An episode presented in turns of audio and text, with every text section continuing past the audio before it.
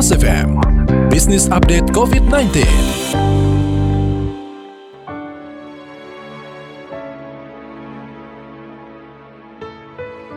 Mitra bisnis COVID-19 memporak-porandakan tatanan bisnis yang ada. Selain kesehatan, dampak terhadap ekonomi dan kehidupan sosial bermasyarakat berubah drastis. Pelaku usaha mengencangkan ikat pinggang bahkan menghadapi dilema PHK atau tidak untuk bertahan hidup. Di saat yang sama, pengusaha juga dituntut berinovasi cepat merubah bisnis modal untuk seirama dengan ekspektasi pasar. Untuk mengetahui lebih jauh soal ini, saya Mary Agustin telah bersama Haryadi Sukamdani, CEO Sahid Jaya Internasional dalam Pas FM Business Update COVID-19. Pak Haryadi, bagaimana update krisis corona ini pada bisnis Sahid dan uh, perhotelan umumnya, Pak? Kalau di perhotelan, pariwisata lah ya, secara keseluruhan, ya itu adalah yang terburuk dari yang lain mungkin ya, karena kita kan kena paling awal. Dan kalau perhotelan, dia juga nanti pulihnya paling belakangan. Kalau restoran mendingan, restoran tuh mungkin dia akan uh, pulih pulih lebih dulu ya. Dan posisinya ya semakin semakin buruk lah kan nggak sama sekali nggak ada tamu. Nah apa yang dilakukan untuk dapat survive pak? Uh, Sebenarnya berat ya karena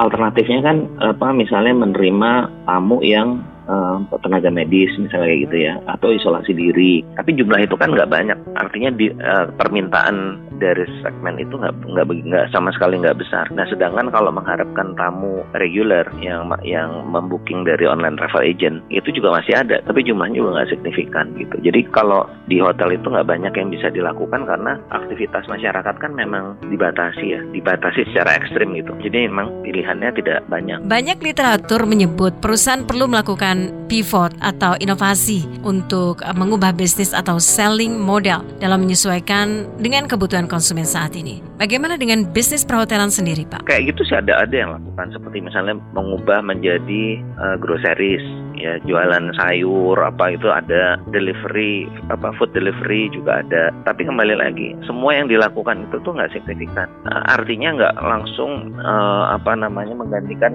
yang apa, pada saat normal pendapatan yang pada saat normal didapat itu tidak serta merta itu bisa menggantikan gitu jumlahnya sangat minim. Jadi uh, misalnya kayak misalnya hotel yang melakukan membuka untuk tadi tenaga medis ya isolasi diri itu uh, hanya apa hanya cukup untuk membayar sebagian dari karyawan aja gitu jadi mereka hanya untuk survival aja. Nah, yang demikian juga yang tadi tekstil bikin APD itu juga saya yakin juga nggak signifikan hasilnya. Bukannya mereka nggak ada income, ada income. Tapi misalnya kayak contohnya yang uh, bikin masker ya, itu sekarang kan orang-orang udah pada bikin, bisa bikin masker sendiri. Jadi uh, yang seperti itu tidak apa belum belum tentu juga akan menggantikan uh, dari pendapatan yang ada. Nah, khusus untuk hotel dan restoran ya seperti itu uh, berat. Jadi yang sekarang kita lakukan itu adalah mulai berkomunikasi dengan pemerintah karena sekarang ini kita suka tidak suka kita harus mengakui harus realistis bahwa kita itu akan hidup berdampingan dengan yang namanya virus corona ini gitu loh. Sampai kapan? Ya sampai terjadi herd immunity. Karena saya melihat kan nggak tahan juga ya yang namanya uh, masyarakat uh, pekerja kita tiba-tiba mereka kehilangan nafkahnya ya. Perusahaan yang bermasalah kolaps lalu karyawannya kan nggak menerima gaji kan. Nah itu kan semua kan kena semuanya. Nah sampai akhirnya orang akan realistis bahwa ekonomi juga harus tetap bergerak, tetapi protokol kesehatannya itu harus optimal gitu. Nah sama aja di sektor hotel dan restoran ini juga akan terjadi seperti itu, terutama dimulai oleh restoran dulu ya. Dalam waktu dekat ini kan saya lihat pasti akan apa kegiatan ekonomi pelan-pelan dibuka, termasuk restoran duluan. Nah itu salah satunya adalah untuk apa memulihkan kembali gitu. Walaupun tadi saya bilang kehidupan kita udah tidak ada tidak apa sama lagi dengan yang dulu kan. Yang namanya new normal itu loh. Nah itu akan ada protokol kesehatan lebih ketat uh, mungkin juga perilaku konsumen juga berubah dan sebagainya akan terjadi. Tapi ekonomi secara perlahan harus dibuka. Kalau tidak uh, susah. Negara juga nggak punya kemampuan untuk menopang menopang apakah itu ngeluarin stimulus baru ataukah itu akan apa kuantitatif easing ya dengan mencetak uang baru. Itu nggak nggak mudah menurut saya sih. Realistisnya adalah memang harus perlahan dibuka tapi tetap tadi protokol keamanan dari kesehatan pemerintah juga harus menyiapkan melakukan fasilitas kesehatan yang memadai. Yang paling penting adalah kalau ada yang terpapar corona itu segera bisa ditangani gitu. Itu intinya itu sih. Tapi kalau e, perlahan menurut saya sih akan terjadi herd immunity itu. Saya mendapati kok beberapa kasus di e, baik di apa lingkungan pas sekitar saya ya maupun juga yang lingkungan di anggota PHRI maupun APindo itu sudah banyak ditemukan. Jadi setiap dilakukan rapid test ketemu terus. Jadi pertanyaannya kalau nggak dilakukan rapid test kan ada yang tahu, ya kan? Nah apalagi ya masyarakat yang uh, apa tinggalnya dalam lingkungan yang padat itu, itu udah pasti kena gitu. Nah itu yang yang, yang kita sekarang uh, melihat makanya banyak orang tanpa gejala dan sebagainya itu sebenarnya terjadi herd immunity itu. Dengan adanya corona ini telah terjadi the new normal ketika orang selalu bermasker, jaga jarak, meeting online, belanja online dan sebagainya. Gimana perasaan Anda Pak mengenai hal ini? Apakah nyaman atau sebaliknya? Karena kita dipaksa ya ini perkaranya bukan kita nyaman atau tidak nyaman, tapi kita dipaksa dengan kondisi seperti itu. Itu ingat mungkin, ingat ya waktu sebelum kasus apa bom Bali kan kita nggak ada tuh namanya di tempat-tempat publik ada cek bom kan. Sekarang akhirnya cek bom tuh ya udahlah walaupun kesal ini apa sih orang periksa-periksa mobil kita, tapi kita bisa terima kan. Ya sama aja, sama aja begitu. Orang nanti mau pergi ke hotel, ke mall, diperiksa-periksa temperaturnya. Walaupun sekarang gejalanya itu kan udah lewat apa demam lagi kan orang tanpa gejala itu nggak ada demam loh. Itu ya itu tadi kondisinya akhirnya tadi yang saya bilang akan pada situasi yang uh, apa kita harus berdampingan sama virus tadi itu mau mau nggak mau.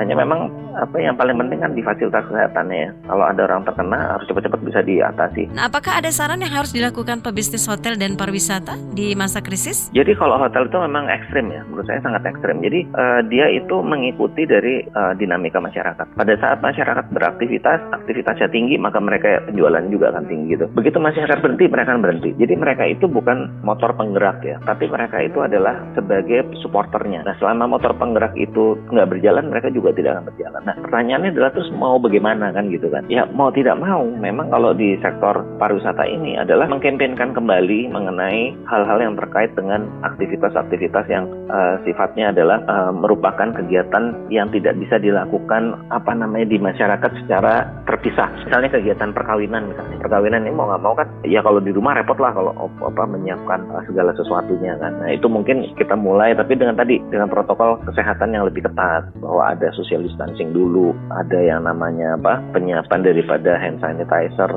pengaturan checking suhu dan sebagainya. Itu yang mau tidak mau apa namanya terpaksa harus uh, terjadi pada saat ini. Tapi kan itu udah mulai bisa jalan gitu. Nah, lalu juga yang terkait dengan apa namanya pergerakan manusia ya. Jadi ini juga kan Untuk yang leisure ini menurut saya sih paling belakangan lah mungkin baru bisa bangkit ya. Karena ada pembatasan orang untuk bepergian ke uh, apa ke, ke keluar kota dalam skala yang intensif kan sekarang juga belum bisa. Itu juga perlahan di di apa namanya di sekarang ini di, disiapkan dulu gitu loh mas. Uh, panduan mengenai kesehatan dan sebagainya itu juga dijalankan. Juga kalau yang apa uh, sekarang juga kami usulkan itu adalah sektor pariwisata itu dapat bantuan uh, untuk tes kitnya untuk rapid test uh, kitnya itu kita juga minta khususnya untuk karyawan untuk menjaga karyawan uh, mendeteksi lah mendeteksi dan juga membatasi penyebaran daripada corona